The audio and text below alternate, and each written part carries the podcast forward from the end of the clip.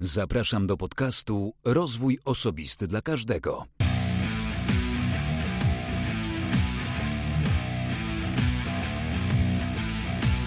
Ja nazywam się Wojciech Struzik, a to 53. odcinek podcastu Rozwój Osobisty dla Każdego, który nagrywam dla wszystkich zainteresowanych świadomym i efektywnym rozwojem osobistym.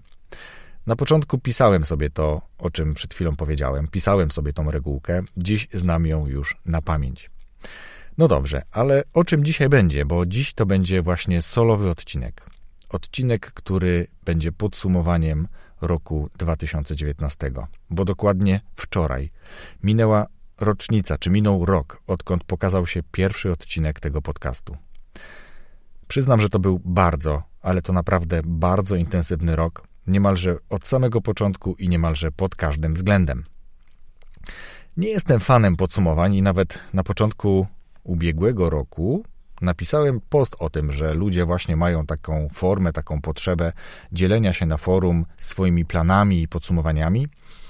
No i nie byłbym sobą, gdybym nie zmienił podejścia, częściowo oczywiście, co do właśnie faktu dokonywania podsumowań czułem się zobowiązany, czy też czuję się dziś zobowiązany wobec swoich słuchaczy, wobec Was, żeby powiedzieć, co ten rok dla mnie przyniósł, co on dla mnie znaczył i jak ja go generalnie przeżyłem.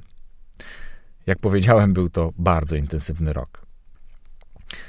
W sieci już pojawiło się kilka, kilkanaście. Ja zapoznałem się z kilkoma, dlatego mówię o kilku podsumowaniach z 2019 roku, czy dotyczących 2019 roku.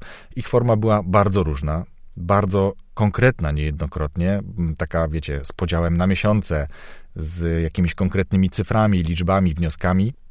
Innym razem są to formy bardziej narracyjne czy też refleksyjne. I każdy ma swój styl pisania, swój styl mówienia, to co najbardziej lubi. Ja nie bardzo przejmuję się tym, jaka forma jest na przykład dobra, czy jako, jaki standard, wzorzec jest przyjęty i zrobię to na swój sposób. Ten sposób będzie, myślę, zdecydowanie bardziej refleksyjny. No ale żeby nie przeciągać za długo, to zacznę to podsumowanie w końcu.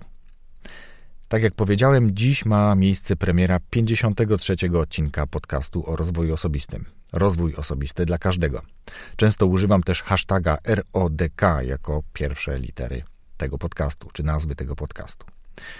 Jak wiecie, bo mówiłem o tym na początku, ci, którzy słuchają uważnie, a was jest naprawdę bardzo dużo, to 12 z tych odcinków jest odcinkami, czy są to odcinki solowe. Na początku przyjąłem założenie, że będę robił jeden odcinek z gościem i drugi odcinek solowy, tak naprzemiennie. Ha, bardzo szybko okazało się, że jest to dla mnie po prostu za trudne. Nie daję rady i to nie daję rady nie z gościem, ale z sobą samym. Nie daję rady, to może niezbyt dobre słowo.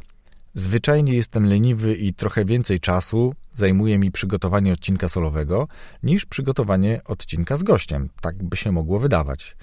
Nie wiem, może to niepotrzebne tłumaczenie, ale generalnie 12 odcinków podcastu z 53 to odcinki solowe, wliczając ten dzisiejszy.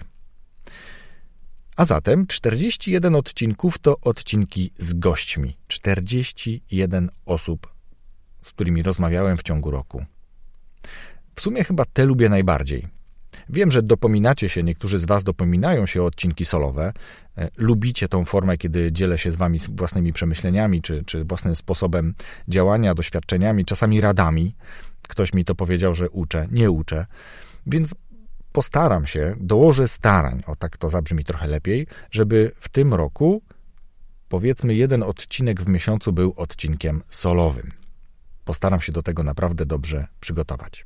Wspomniałem, że są 53 odcinki podcastu o rozwoju osobistym i to prawie jest prawda, dlatego że jest kilka dodatkowych odcinków i zaraz powiem, z czego one wynikały. Takie ekstrasy.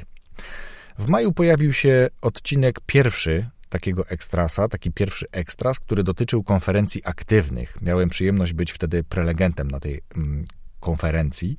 Zostałem zaproszony przez kolegę, którego poznałem na czy w klubie Toastmasters. O Toastmasters powiem troszeczkę później.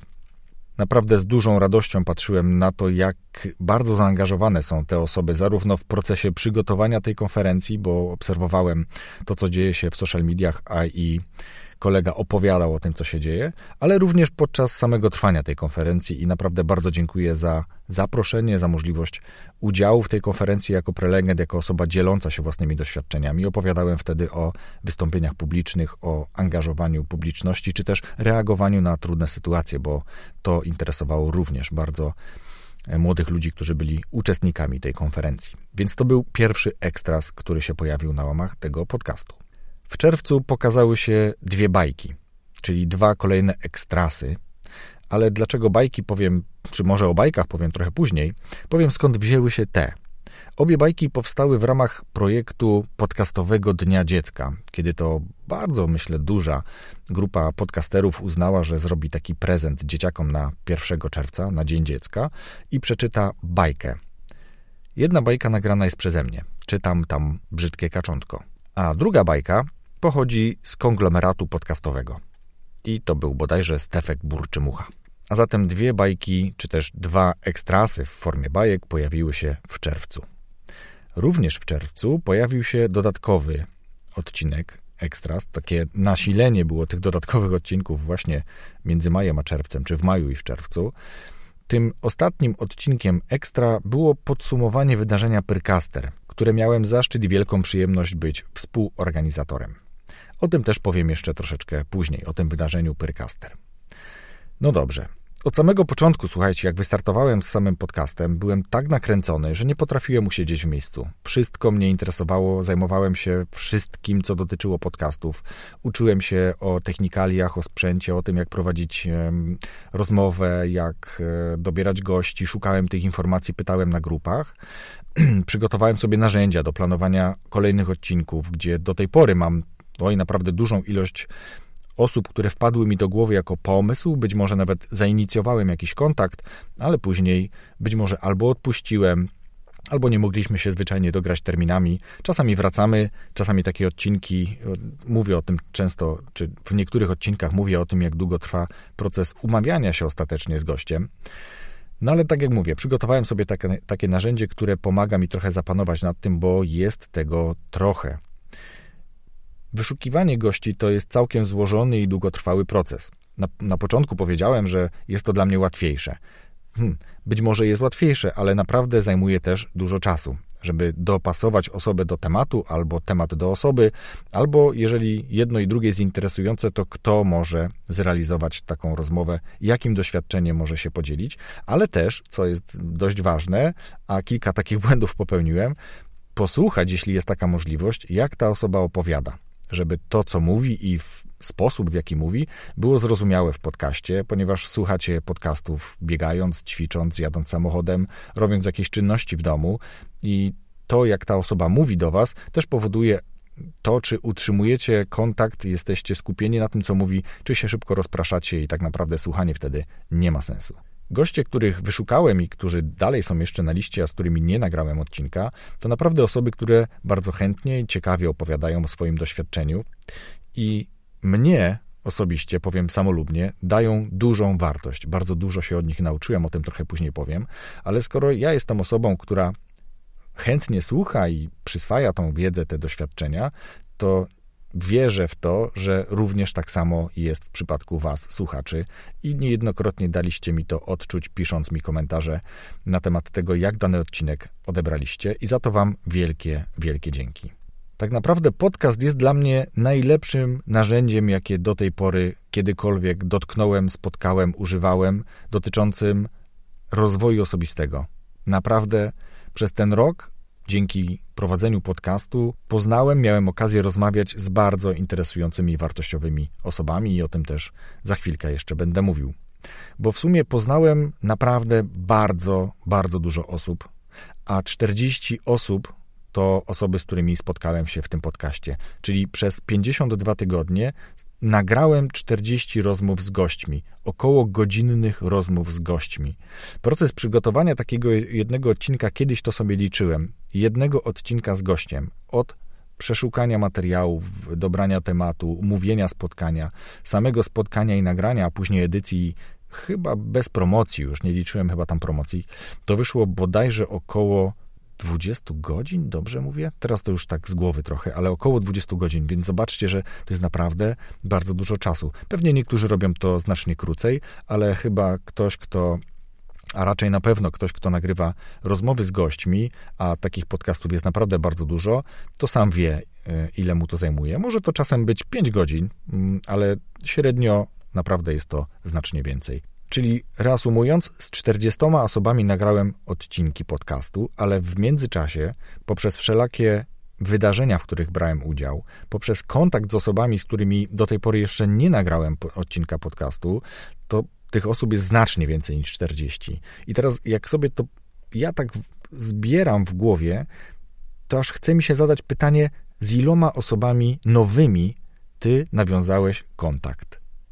Ja wiem, dla mnie podcast jest trochę takim pretekstem do poznawania nowych osób, ale ja jestem teraz trochę tak buzują we mnie, podejrzewam, endorfiny, bo ja się naprawdę bardzo z tego powodu cieszę, że miałem okazję tych ludzi poznać i że oni tak chętnie dzielili się swoim doświadczeniem, które wierzcie mi, czasami siedziałem i słuchałem tego gościa, jakbym był na jakimś warsztacie, na jakimś wykładzie i pilnowałem, żeby mi się buzia nie otwierała.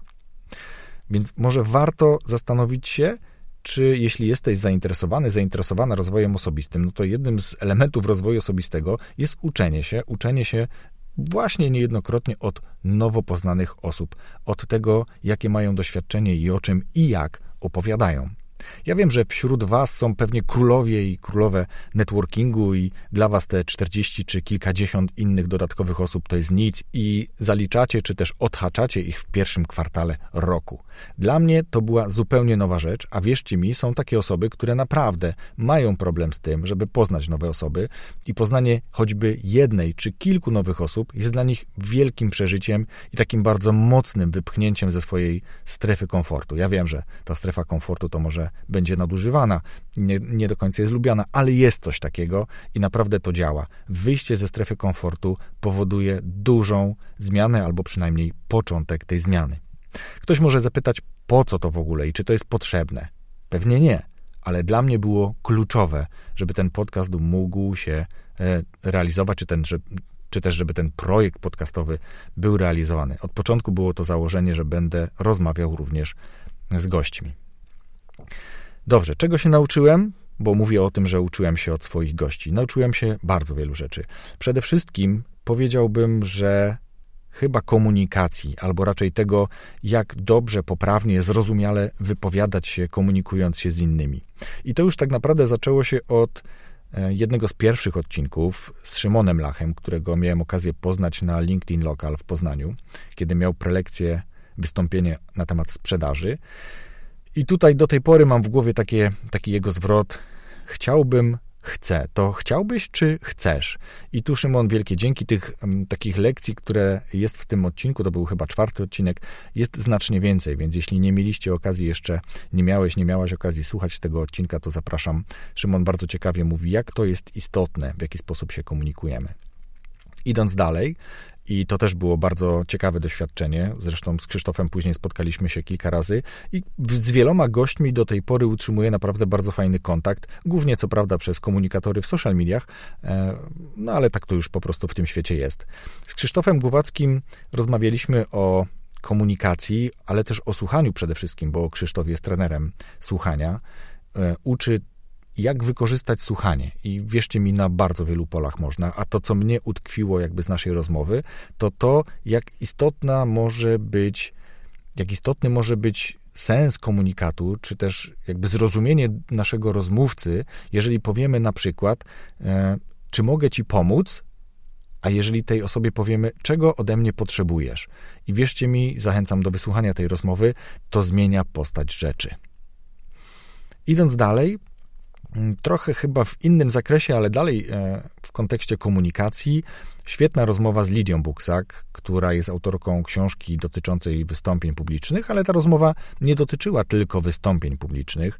Tam Lidia bardzo dużo mówiła właśnie też o komunikacji, o tym, jak poprawnie się wysławiać, i tutaj też rozmawialiśmy sobie o tym na przykład, jak wiele może zmienić, jeśli ktoś ma problem z wysławianiem się, czytanie książek na głos to nie, jakby Lidia nie jest jedyną osobą, która zwraca uwagę na to, że warto czytać na głos. Ona powiedziała nawet, że swoim klientom zaleca czytanie na przykład dzieciom, czytanie bajek na głos i opowiadanie, rozmawianie, tak żeby pracować nad, nad, głosem, nad dykcją, nad artykulacją, nad akcentami, co też jest niejednokrotnie bardzo istotne.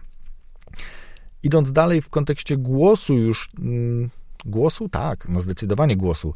Kapitalna rozmowa z lektorem filmowym, w sumie nie tylko filmowym, bo Łukasz Knopek-Konopko jest również y, głosem w audiobookach, jest głosem w programach telewizyjnych, e, ma świetny głos, ale jak sam powiedział i szanuje i stosuje, to, że ktoś ma świetny głos, to po pierwsze to jest może połowa sukcesu, ale druga rzecz, można mieć świetny głos, i Łukasz też mówi o tym w naszej rozmowie, że niejednokrotnie miał okazję poznać kogoś, kto na co dzień pracuje głosem, ale jeśli nie jest na antenie, to mówi w dosyć niechlujny sposób. A to nie o to chodzi. Warto zwracać uwagę na to, jak mówimy, jak artykułujemy, jak poprawnie się wymawiamy, czy zjadamy końcówkę, czy mówimy byłem, czy byłem no, naprawdę jest bardzo wiele takich niuansów, które powodują, że albo chce się ciebie słuchać, albo się ciebie nie chce słuchać. I Łukasz bardzo ładnie o tym mówi, że warto jakby cały czas, czy jesteś na antenie, czy nie, mówić ładnie. I ja przyznam, że usłyszałem od kilku osób, że w moim przypadku słychać różnice. Sami to ocencie, puśćcie sobie pierwsze odcinki i przeskoczcie do późniejszych odcinków, czy ta różnica jest wyczuwalna, czy nie jest. Ja myślę, że jest, bo od pół roku czytam bajki, za chwilę o tym powiem i myślę, że to w dużej mierze wpłynęło na to, jak dzisiaj mówię, jak wymawiam pewne słowa. Oczywiście dalej popełniam błędy. Dobrze, idziemy dalej. Mm, nie dam rady na pewno wymienić wszystkich gości tak szczegółowo jak tych pierwszych, ale chciałem Wam tylko pokazać, jak z kilku różnych odcinków i od może nie, nie diametralnie, ale jednak różnych tematach można wyciągnąć wartość dotyczącą danego kontekstu, czyli w tym przypadku komunikacji, porozumiewania się, tego jak konstruujemy wypowiedź, żeby być dobrze zrozumianym. Wspomnę jeszcze kilku gości na pewno, szczególnie tych początkowych, którzy Wiecie, jak to jest, kiedy zaczynasz i ktoś ci przyjmuje twoje zaproszenie, a jeszcze zaprasza cię do domu, to czujesz się naprawdę wyjątkowo. Ja się tak czułem w każdym jednym przypadku, szczególnie, że kilka jest takich, gdzie ja nie wiem, jak ja bym się zachował, a ci ludzie obdarzyli mnie, no, chyba dużym zaufaniem. Trudno powiedzieć, czy sympatią, ale no dobra, do rzeczy. Darek Użycki. Wyobraźcie sobie, że z Darkiem nagrałem pierwszy odcinek, który nigdy się nie pokazał. Za chwilkę o tym powiem, bo będę mówił o fakapach, tak zwanych wpadkach. Ale Darek jest mistrzem konkretów i naprawdę kapitalnym rozmówcą. Darek jest w top osób, które warto obserwować na profilu LinkedIn. To już coś o tym gościu mówi. On sam zresztą żartobliwie opowiadał sobie, że jest inżynierem i czy to już powtarzał, czy nie. E, rozmowa bardzo ciekawa, a ja, wierzcie mi, próbuję od jakiegoś czasu umówić się na kolejną rozmowę z Darkiem, bo moglibyśmy wiele godzin przegadać. Zresztą Darka możecie też usłyszeć w podcaście Słucham Gadam i też bardzo ciekawe odcinki, więc polecam. Mm, Dominik Juszczyk, Alina i Marlena z Autokracji. To są właśnie osoby, które jako pierwsze przyjęły mnie u siebie w domu, w mieszkaniu, gdzie mogliśmy spokojnie sobie porozmawiać na tematy, które nas w tym konkretnym momencie, czy w tym konkretnym odcinku interesowały, więc też polecam zarówno rozmowę z Dominikiem, jak i, jak i z paniami z autokreacji. Z paniami powiedziałem, choć brzmi to dziwnie, aczkolwiek ani Alina, ani Marlena nie lubią, kiedy się mówi o nich dziewczyny, a są świetnymi dziewczynami. Agnieszka Wnuk to do tej pory gość, który był u mnie dwa razy w dwóch odcinkach. Agnieszka pomagała mi nie tylko zrozumieć jakby wiele mechanizmów, y, jakie działają na profilu LinkedIn, czy na stronie LinkedIn, czy social sellingu, ale także jest y, wierną słuchaczką. I Aga, bardzo dziękuję za wszystkie Twoje komentarze, opinie dotyczące odcinków, które mi przesłałaś. Bardzo Ci za nie dziękuję. Wierz mi, że one są równie ważne jak te odcinki, w których brałaś udział jako gość. Wojtek Woźniczka, Szapoba, rozmawialiśmy nie tylko o negocjacjach, bo Wojtek jest ekspertem w negocjacjach i Wojtek, jakbyście nie wiedzieli, wejdźcie sobie na Michała Szafrańskiego. Odcinek Rozmowa z Wojtkiem Woźniczką o negocjacjach jest jedną z lepszych rozmów, jaka na YouTubie na profilu Michała jest, więc polecam bardzo serdecznie. Zresztą polecam obserwować profil Wojtka. Bardzo dużo konkretnych wskazówek daje Wojtek. Możecie to posłuchać również w odcinku w moim podcaście, ale ja bardzo Chętnie polecam również inne wartościowe kanały, które warto obserwować, słuchać, subskrybować jakkolwiek, więc polecam Wojtka Woźniczkę. O Wojtku jeszcze chwileczkę będzie w kontekście znowu wpadki, bo ich trochę było. Nie sposób będzie mi wymienić wszystkich gości, ale wszyscy goście naprawdę, każdy jeden z osobna i wszyscy razem dali mi dużą dawkę wartości, dużą dawkę wiedzy, doświadczeń i warto słuchać. Ja wiem, że się nie słucha tak, że słucha się oddechy do dechy, bo oczywiście są takie osoby.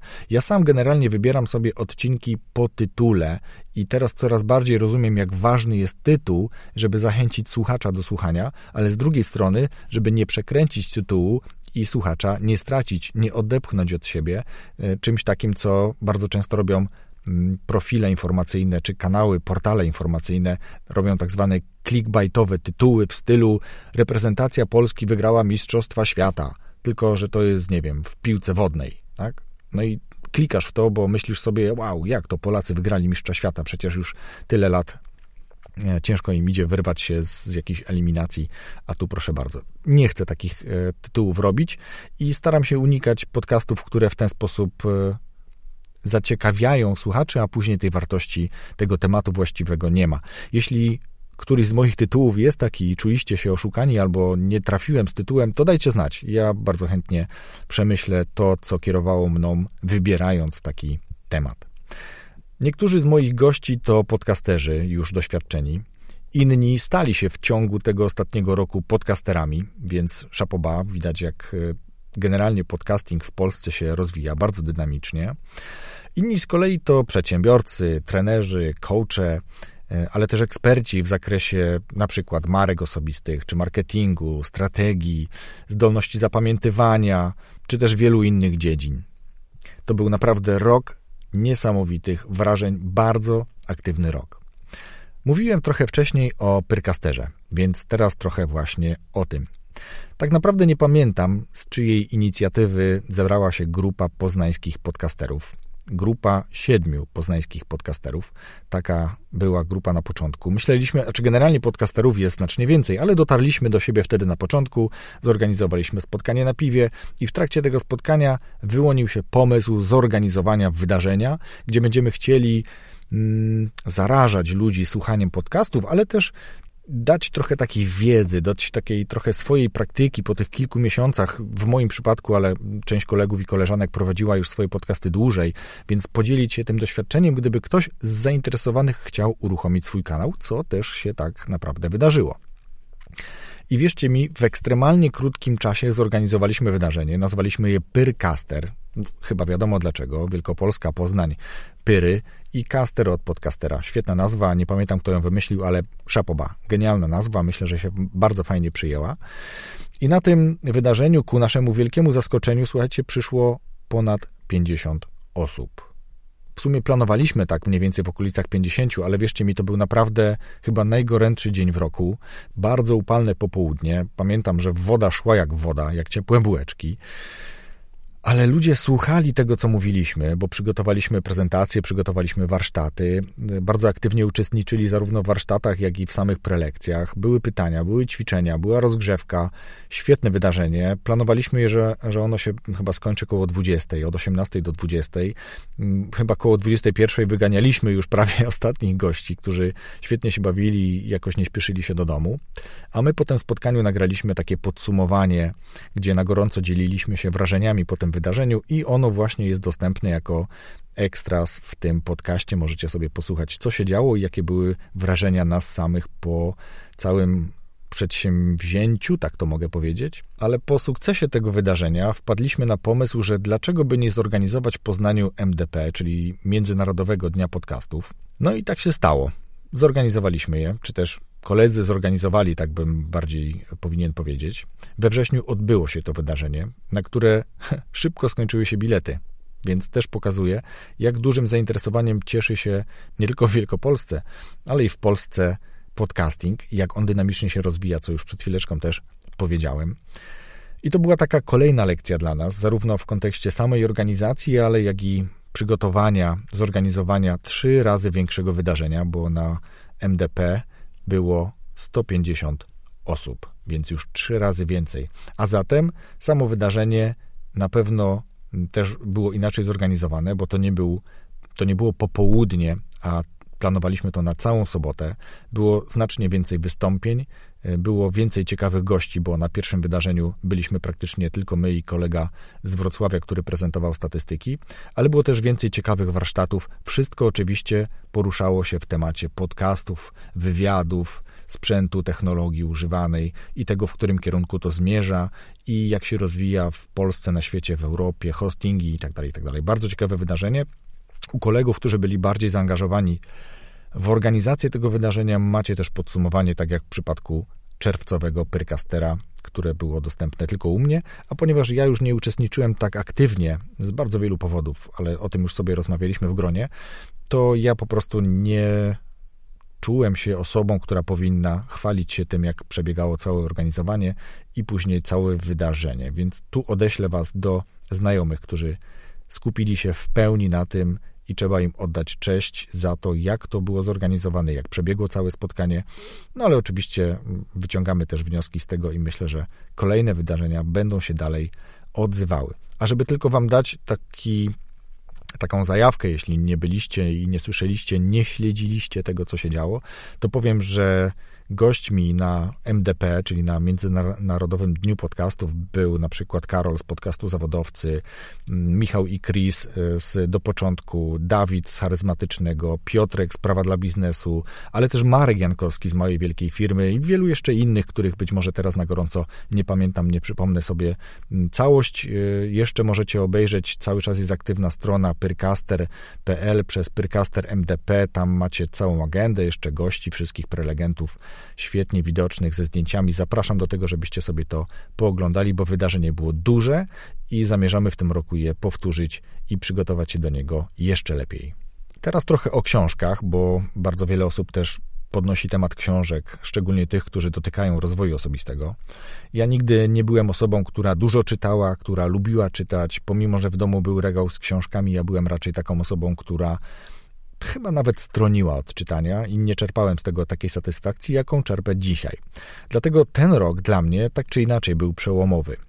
Przeczytałem nie wiem ile, no ale generalnie na pewno znacznie więcej książek niż czytałem w kilka ostatnich lat, więc dla mnie jest to wielki, olbrzymi krok i z tych książek, które przeczytałem, a z większości jestem bardzo zadowolony i polecałem je u siebie, pokazując na na profilach mediach społecznościowych, to jest to dla mnie wielki sukces, duże osiągnięcie z przeczytania tych książek, które które wpadły mi w ręce. Ilość książek w moim zbiorze, w mojej biblioteczce strasznie przyrosła, bardzo przyrosła, może tak powinienem powiedzieć bardziej poprawnie, ale czytanie ich będzie chwilę trwało. Ja myślę, że w tym roku przeczytam ich więcej niż w 2019, ale nie jest to dla mnie jakby cel sam w sobie, żeby czytać jedną książkę na tydzień na przykład, tak, że jest cel 52 książki w roku. Ile się uda przeczytać, tyle przeczytam. Jest dużo więcej innych aktywności, które też muszę jakoś z tym godzić, aczkolwiek uczę się tego zwyczaju czytania regularnego.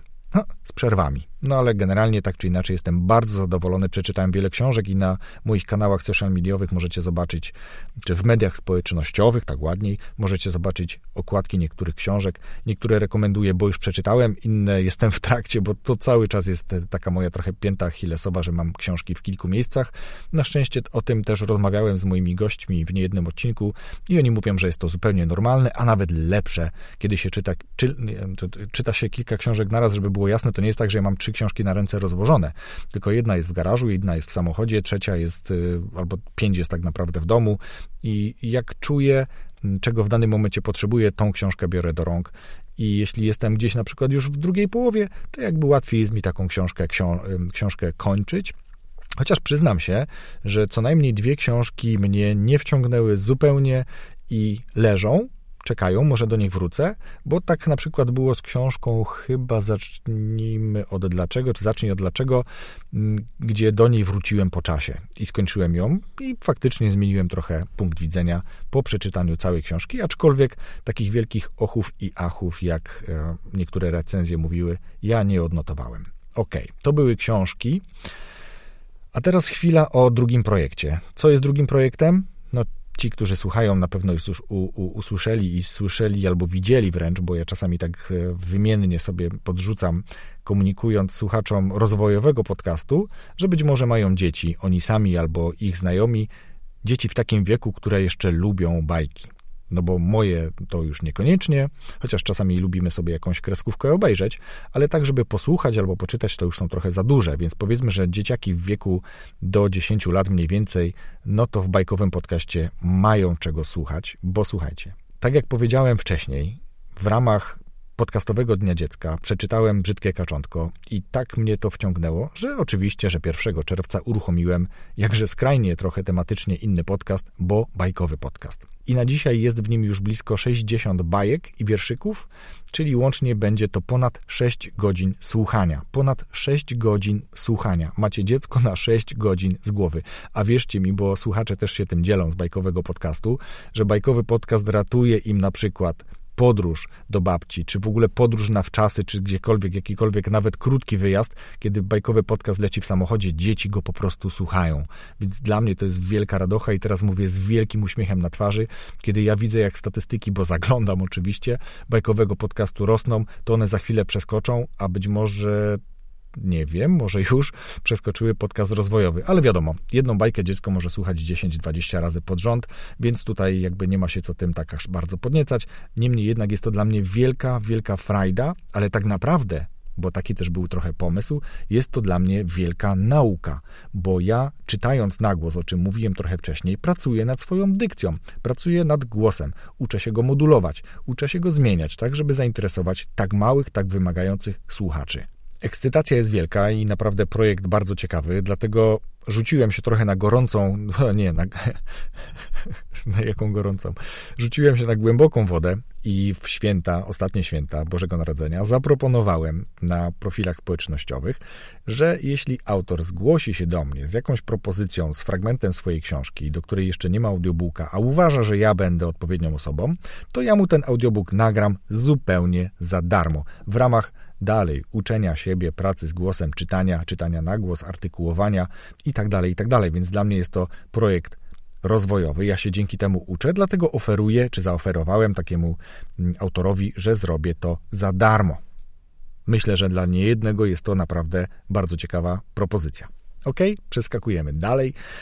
Takie ciekawe doświadczenie, słuchajcie, jest coś takiego jak Patronite w Polsce. Tak naprawdę jest kilka takich y, profili, ale chyba najbardziej popularnych czy najbardziej popularnym jest Patronite, czyli taki portal, gdzie zrzeszają się twórcy i odbiorcy tej twórczości. Tam są youtuberzy, podcasterzy, malarze, piosenkarze, muzycy, wielu, wielu innych, blogerzy, mm, autorzy y, różnych innych dziwnych treści, którzy znajdują swoją niszę, znajdują swoją publiczność, swoich słuchaczy, swoich obserwatorów, czytelników, jakkolwiek, którzy uważają, że to, co robi ten twórca, jest wartościowe i chcą mu w jakiś sposób za tą działalność jego, za tą twórczość podziękować, patrz, zapłacić.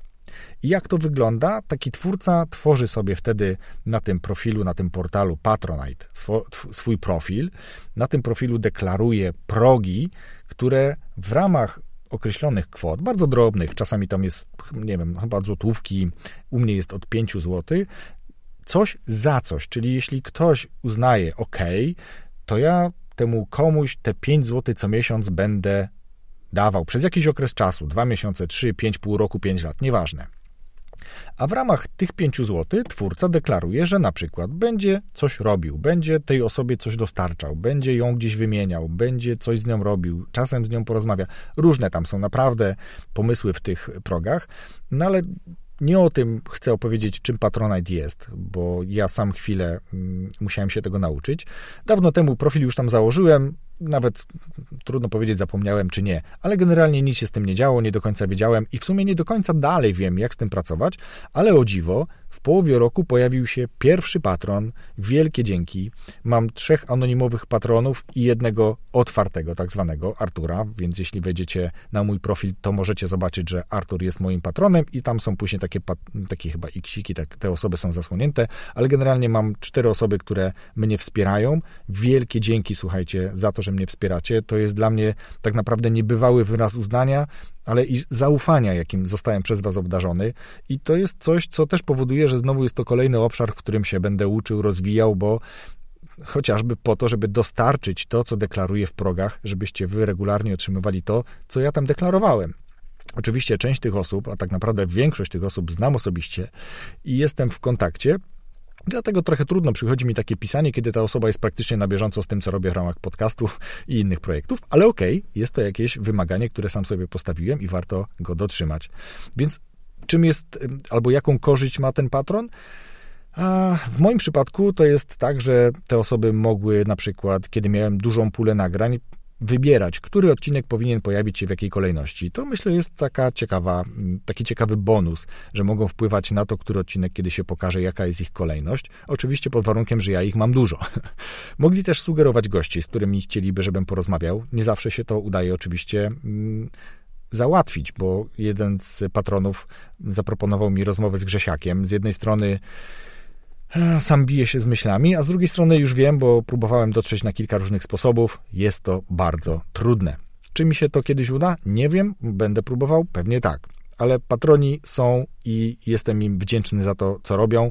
To nie są duże kwoty, ale w momencie, kiedy na przykład hosting przestanie kosztować 5 dolarów, a zacznie kosztować 20 dolarów, to patroni jak z nieba spadający będą mogli pomóc w tym zakresie. Ja wiem, Pasja kosztuje i nie każdy, kto uprawia swoją pasję, otrzymuje od kogokolwiek jakąkolwiek gratyfikację. Są ludzie, którzy latają na lotni i to też dużo kosztuje, na parolotni, czy, czy uprawiają jakiś inny sport jako pasję i muszą kupić do tego jakiś ekwipunek, wyjechać gdzieś i nikt im jakby nie finansuje tego.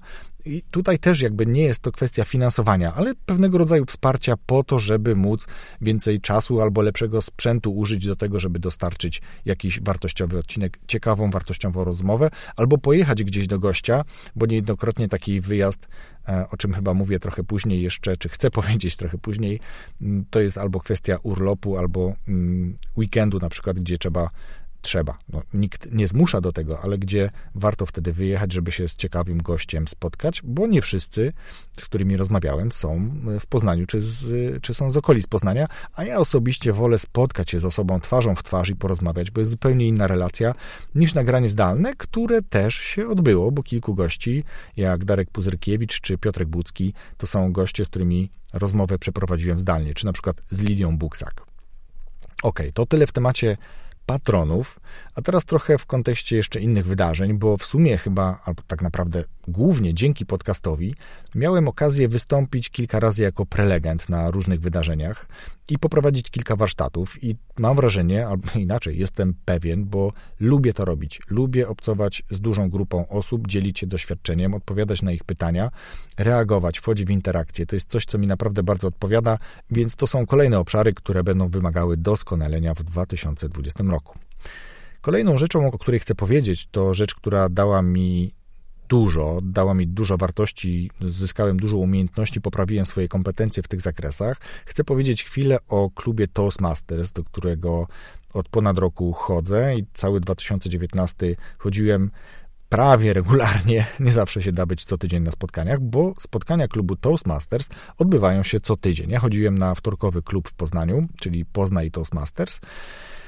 I wierzcie mi, nauczyłem się naprawdę bardzo wiele, nie tylko w kontekście samych wystąpień publicznych, bo tam bardzo dużo i bardzo często można mówić do ludzi, patrzeć jak reagują i za każdym razem dostajesz informację zwrotną o tym, jak dane wystąpienie, dana mowa była przygotowana, jak była zaprezentowana, jak prezentowała się mowa ciała, czy to było zgodne, czy to było interesujące, czy było zakończone tak jak powinno być i tak dalej, i tak dalej. Więc jeżeli masz potrzebę doskonalić się gdzieś, jesteś na początku swojej drogi dotyczącej wystąpień, czy doskonalenia wystąpień publicznych, przemawiania do ludzi, to gorąco zachęcam do tego, żebyś w swoim mieście znalazł taki klub, znalazła i udać się tam, udaj się, posłuchaj, zobacz jak to wygląda, jak przebiega takie spotkanie i myślę, że może Cię to zainteresować. Ja wiem, że w różnych miastach różnie są te kluby oceniane, natomiast w Poznaniu kluby działają całkiem fajnie.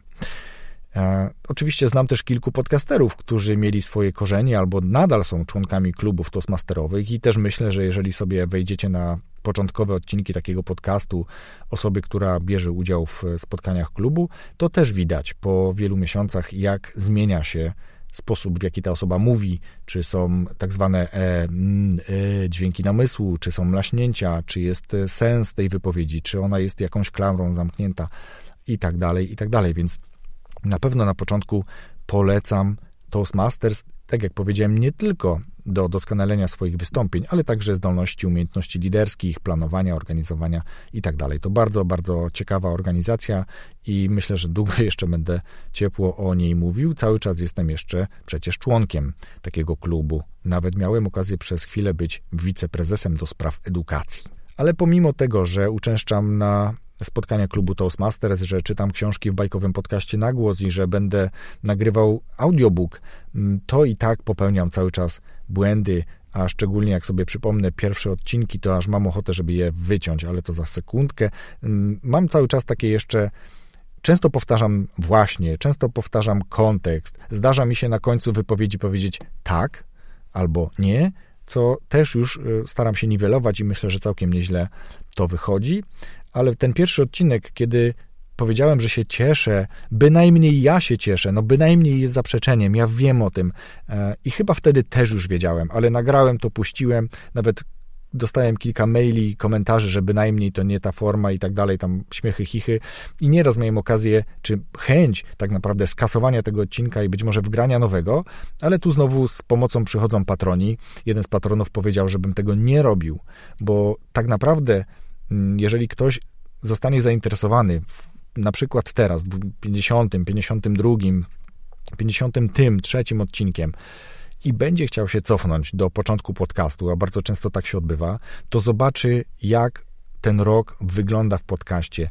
jak ja mówiłem i jak mówię teraz do słuchaczy, właśnie ucząc się za każdym razem w każdym kolejnym odcinku, z każdą kolejną nową przeczytaną bajką, z każdym kolejnym solowym odcinkiem. Dlatego, tak jak powiedziałem wstępniej, deklaruję, że będę chciał te solowe odcinki robić jednak częściej. Błędów nie udaje mi się zniwelować do zera, ale myślę, że chyba to jest niemożliwe, żeby tak do końca pięknie mówić, szczególnie, że ja nie czytam w swoim podcaście, tylko po prostu mówię, więc ten język może się zaplątać, mogę jakąś głupotę powiedzieć i to jest po prostu urok podcastu, jak dla mnie również. A skoro mówię o błędach, to teraz powiem o wtopach, czyli błędach, które spotkałem, czy które miałem okazję, nie okazję, jak to powiedzieć, przeżyć, doświadczyć podczas tego ostatniego roku nagrywania podcastów. Wspomniałem już o pierwszym odcinku z Darkiem Użyckim, który nigdy się nie pokazał. Ja go zmontowałem, ja go do Darka wys wysłałem, jednak jego jakość była tak słaba, że wspólnie nie zdecydowaliśmy się na to, żeby go opublikować. Rozmowę tę nagrywaliśmy mikrofonami krawatowymi, takimi, wiecie, kupiłem je w jakimś tanim sklepie w internecie po to, żeby nie inwestować na początku, bo nie wiedziałem, znaczy wierzyłem w to, chciałem, żeby ten podcast trwał, trwał i trwał, ale nigdy można nie być tego pewnym, czy nie można tego być pewnym, więc nie inwestowałem jakoś szczególnie. No, no dobra, nie inwestowałem szczególnie. Kupiłem dobry rejestrator, bo kupiłem rejestrator Zoom H5, więc to jest już taki profesjonalny sprzęt, można powiedzieć, ale no cóż, mikrofony były tanie, więc cały czas wierzyłem, czy myślałem, że to nagranie nie wyszło, dlatego że mikrofon był słaby. Ja jeszcze to nagranie zrobiłem mm, to taki duży błąd, nagrałem bez odsłuchu, czyli bez słuchawek, bez słuchania naszej rozmowy w trakcie na słuchawkach. I co się stało? Głos Darka nagrywany był moim mikrofonem, a jego mikrofon praktycznie nie rejestrował jego głosu, więc myślałem, ok, tani mikrofon, dziadostwo kupiłem, trudno. Umówiliśmy się na kolejne spotkanie, wysterowałem trochę inaczej rejestrator, trochę bardziej musiałem pilnować, bo wtedy ten uznałem, że ten gorszy mikrofon biorę do siebie, e, żeby ten odcinek lepiej wyszedł. On jest, możecie go posłuchać. Ja myślę, że jak później posłuchacie innych rozmów z innymi gośćmi na innych mikrofonach, to też zobaczycie różnicę.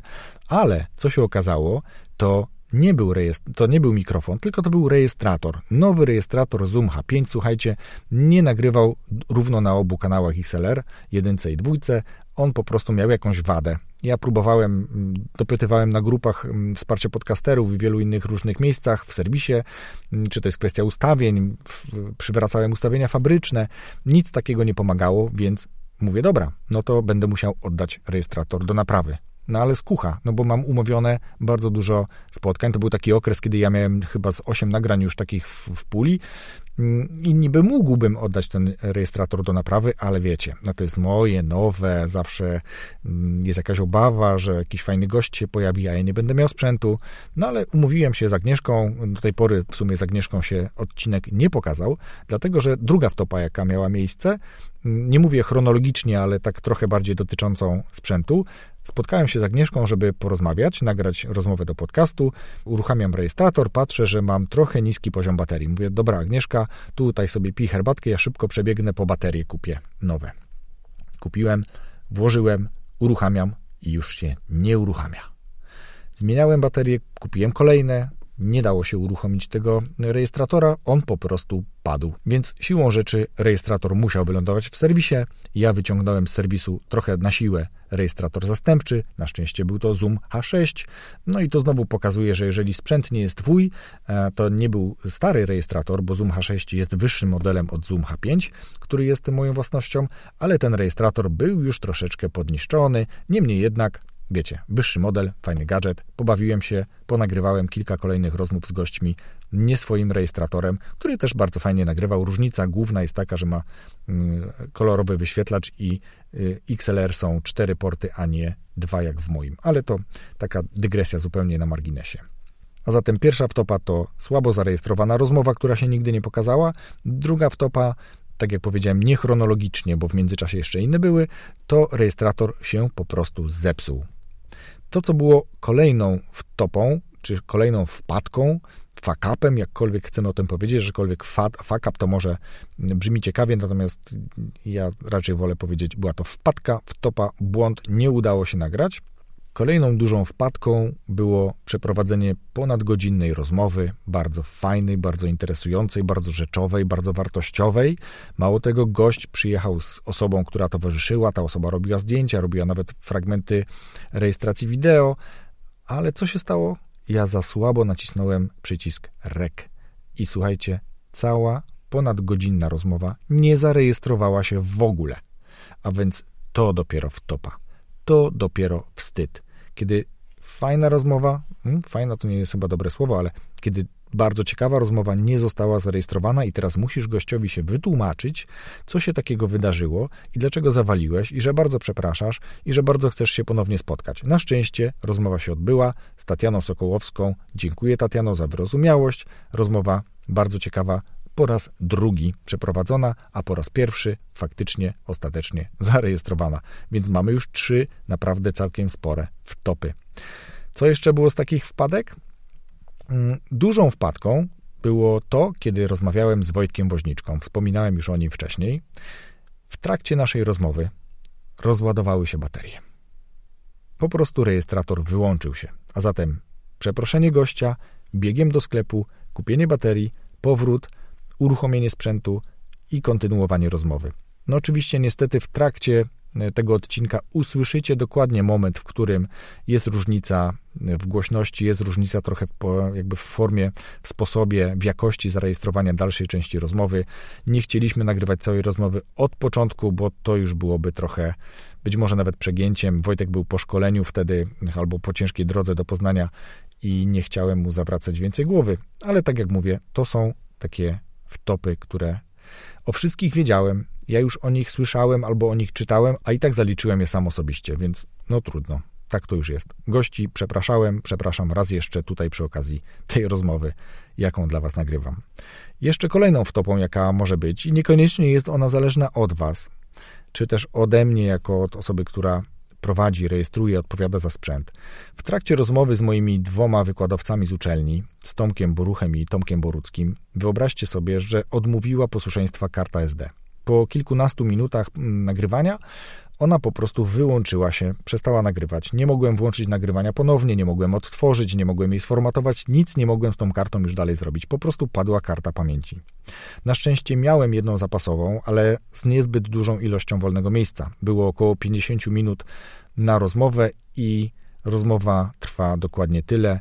Niestety ją też ucięło. Nie miałem już żadnej innej karty dodatkowej. Nie wiedziałem, czy mogę ją sformatować, bo chyba były tam nagrania, których jeszcze nie użyłem, nie zapisałem nigdzie w żadnym backupie, w żadnej kopii zapasowej więc musieliśmy zakończyć tą rozmowę. Musieliśmy, no ona po prostu się zakończyła. Brakło tam, co prawda, pożegnania, polecenia książek i tak dalej, ale rozmowa sama w sobie jest ciekawa, wartościowa i myślę, że warto jej też posłuchać. Dziś mam więcej zapasowych baterii. Ja tak naprawdę korzystam teraz z powerbanka, bo baterie to jednak dodatkowy koszt i niepotrzebnie kupować ich tak dużo. Z Powerbanka jestem w stanie dużo więcej rozmów zarejestrować i jest to forma dużo bardziej wygodna.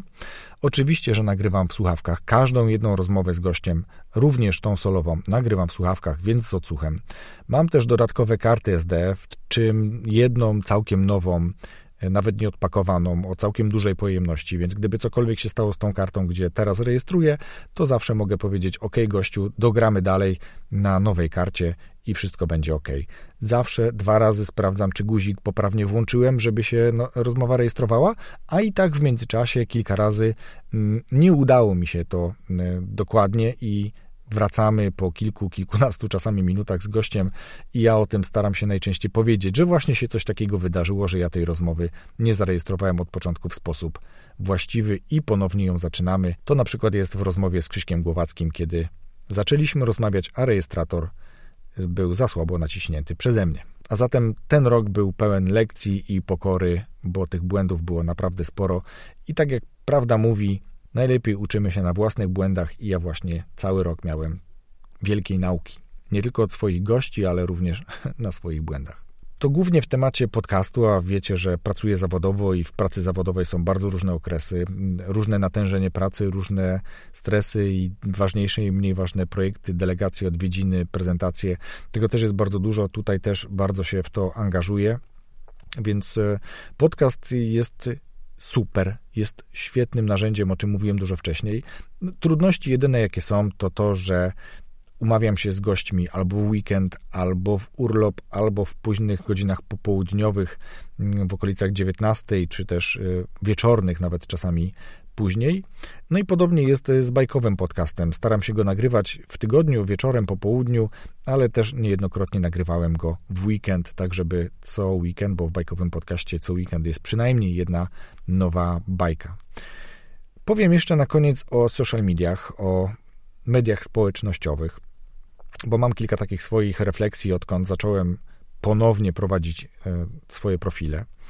Jak wiecie, można kupić szybko fanów, można kupować ich dobrze celując reklamą e, w grupę docelową, czyli tych właściwych, którzy będą, załóżmy, aktywni na naszych profilach. Można mozolnie i bardzo cierpliwie prowadzić profile tak, żeby tą treścią, nie wiem, systematycznością zainteresować osoby i żeby one ten profil polubiły, subskrybowały, obserwowały, w zależności od tego, jakie to są media. I tak naprawdę dwie ostatnie to są takie typowe, które zazwyczaj ludzie stosują i ja również obie tak naprawdę stosowałem i stosuję. No tak bym raczej wolał powiedzieć. Dwie ostatnie możliwości są takimi typowymi i również ja obie stosowałem, czy też stosuję. E, co prawda tej środkowej, czyli kupowanie poprzez reklamę, tego się uczę i tu parę złotych wydałem chyba zupełnie głupio, ale takie są koszty nauki również. Ale żebyście wiedzieli, nigdy nie wybrałem tej pierwszej opcji. Nie wybrałem nigdy opcji kupowania jakiegoś pakietu fanów na żadnym z kanałów, bo to jest po prostu głupota i wyrzucenie pieniędzy w błoto. Ja tak uważam. Ale powiem wam, że trochę się chyba o nią otarłem bo na początku, zanim jeszcze wystartowałem z podcastem, prowadziłem blog i wpadłem w kilka takich grup, chcąc jakby w miarę szybko znaleźć odbiorców tego bloga. Wchodziłem w takie grupy, gdzie zbiera się fanów like za like. Głupota. Ale okej, okay, to było na początku takie żebro lajki. Więc tak jak powiedziałem, opcja druga, całkiem kosztowna, szczególnie jeśli nie ma się pojęcia o reklamach, tak jak ja na Facebooku i Instagramie. Uczę się tego, wiem już coraz więcej, ale tak naprawdę cały czas wydaje mi się, że nic nie wiem. I opcja trzecia wydaje się być najlepszą opcją, ale dla tych cierpliwych, bo tutaj wierzcie mi, nic więcej jak czas, wasza aktywność, czy też moja w tym wypadku aktywność, to, żeby ciekawe treści pokazywać, z ciekawymi gośćmi się umawiać, pokazywać tych gości i ciekawą wartość poprzez rozmowy, to jest coś, co powoduje, że co kilka tygodni, co kilka miesięcy, jakby ta pięćdziesiątka, setka osób, które obserwują, rośnie. Przybywa tych osób, które chcą tych treści, chcą obserwować, a jeśli im się coś przestaje podobać, to po prostu rezygnują z obserwowania i to też jest bardzo ok. Ja niejednokrotnie też zmieniły się nagle moje zainteresowania. Kiedyś obserwowałem na przykład bardzo dużo osób i profili związanych z crossfitem. Dziś go już nie uprawiam, ubolewam nad tym, ale też nie obserwuję takich kanałów. Kiedy zacznę ponownie uprawiać ten sport, być może wrócę do obserwowania tych kanałów i taka jest kolej rzeczy. Można się tylko zastanawiać, czy warto budować społeczność. W moim odczuciu zdecydowanie warto, no bo po coś to robimy. Nie jest to nagranie, które gdzie nie zależy nam na tym, żeby ktoś tego słuchał, bo gdyby tak było, to nagranie z tą kartą lądowałoby w szufladzie i, i, i okej. Okay. I to też ktoś może w ten sposób uprawiać. Natomiast wydaje mi się, że wielu gości, czy też moje treści są na tyle ciekawe i wartościowe, że warto, żeby ktoś tego słuchał i słuchacie i za to Wam bardzo dziękuję i dostaję od Was informacje, że to jest inspirujące, że to jest ciekawe, że są ciekawe doświadczenia. Wierzcie mi, że najbardziej bałem się solowych odcinków. Dalej mam takie mieszane uczucia mm, i to jest chyba trochę wynik tego, że przez lata pracy po prostu gdzieś ta pewność siebie i to, że jest mm, poprzez te lata pracy zbudowane jakieś doświadczenie, którym warto się dzielić, było gdzieś zatracone i ten podcast powoduje też, że tą pewność się ponownie odbudowuje i e, wręcz jest się już teraz pewnym, czy też jestem pewnym tego, że to, o czym do Was mówię, to po pierwsze nie są bajki, tylko są to moje doświadczenia, moje refleksje, rzeczy, które robiłem, które mi się sprawdzały i które być może warto, żebyście Wy też spróbowali. To chyba najdłuższy odcinek solowy, jaki do tej pory nagrałem, więc będę już zbliżał się ku końcowi. Powiem tylko, że żeby było jasne, ja nie jestem w stanie przyswoić wszystkich tych dobrych praktyk, tych doświadczeń, tej wiedzy od gości, których zaprosiłem i z którymi rozmawiałem. Dlatego nie przejmujcie się, jeżeli uważacie, że coś wam nie wychodzi. Coś, co ktoś stosuje z powodzeniem, wam nie wychodzi. Nie zawsze tak będzie. Szukajcie czegoś takiego, co będzie dla was na tyle interesujące, że będzie wam łatwo to wdrożyć i będziecie widzieli korzyść z tego, co wdrożyliście. Tak jak z każdej jednej przeczytanej książki, warto coś sobie gdzieś zanotować, zachować, wdrażać, stosować, uczyć się, wyrabiać jako nawyk. Tak samo z takich odcinków można czasami zapamiętać coś na przykład o tym, jak o, jak zapamiętywać rozmowa z Maciejem. Tym oto sposobem dobrnąłem do końca tego, co przygotowałem dla Was jako podsumowanie 2019 roku. Najdłuższy odcinek, ale też i podsumowanie roku, więc wymagało to po prostu tego czasu, żebym raczej przebiegł przez te tematy, które przygotowałem i tak nie powiedziałem części rzeczy, które mam w notatkach, ale będziecie mogli sobie to przeczytać na blogu. Na pewno nie powiedziałem, bo nie chciałem mówić o planach na 2020, one być może pojawią się w innych odcinkach tego podcastu, albo będziecie na bieżąco informowani przeze mnie o tym, że coś się dzieje. Mm, tak jak teraz powiem o tym, że właśnie wystartowała strona najlepszepolskiepodcasty.pl, gdzie możecie zostawić swój adres mailowy i Dzięki temu będziemy za chwilę wysyłali do Was regularnie newsletter z informacją o tym, jakie w ostatnim tygodniu pokazały się ciekawe odcinki podcastów, czego one dotyczyły i czy warto tego posłuchać, czy nie.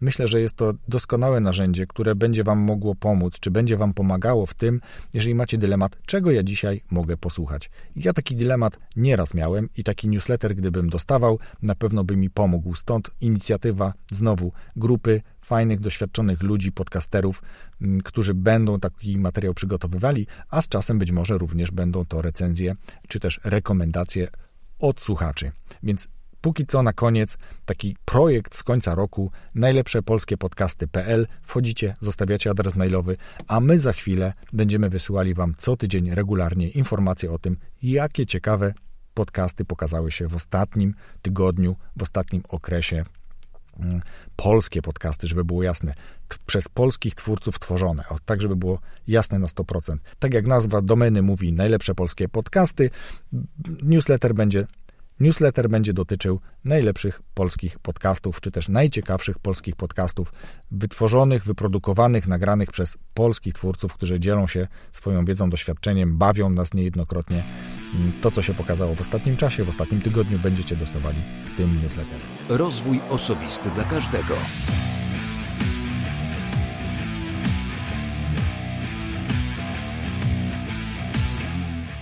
Dobrze, bardzo słuchajcie, dziękuję za wysłuchanie tego odcinka. Jak zwykle na końcu mam w zwyczaju, powiem też i zaproszę tych, którzy słuchają tego po raz pierwszy, tego kanału, tego podcastu, subskrybujcie go w iTunes. Możecie go tam również ocenić i pozostawić komentarz. Komentarz jest szczególnie istotny, bo on pomaga w dotarciu z tym podcastem do innych nowych, zupełnie nowych słuchaczy i na tym mi naprawdę bardzo zależy, więc jeśli używasz telefonu z jabłuszkiem, to po prostu zostaw dla mnie komentarz oceniając ten podcast. Możecie ten podcast również obserwować w Spotify, jak również w innych aplikacjach, które dają taką możliwość. To też będzie ciekawe, bo wtedy będziecie na bieżąco informowani o tym, że pojawił się nowy odcinek. A nowe odcinki tego podcastu przez ostatni rok pokazują się co tydzień w piątek. Już od godziny pierwszej w nocy pojawiają się na Spreakerze, a później w coraz to kolejnych aplikacjach przez które słuchacie podcastów. Raz jeszcze dziękuję bardzo gorąco wszystkim, którzy tego wysłuchali. Dziękuję swoim patronom, szczególnie Arturowi Molendowskiemu, który jest oficjalnie patronem i pozostałym, którzy są patronami, którzy się nie odkryli, ale ja wiem, kim jesteście. Szalenie Wam za to dziękuję i wszystkiego dobrego dla wszystkich, zarówno tych, którzy tego słuchają, tych, którzy mnie wspierają, którzy piszą komentarze, którzy piszą do mnie wiadomości prywatne i tym wszystkim, którzy trzymają za mnie kciuki. Do usłyszenia.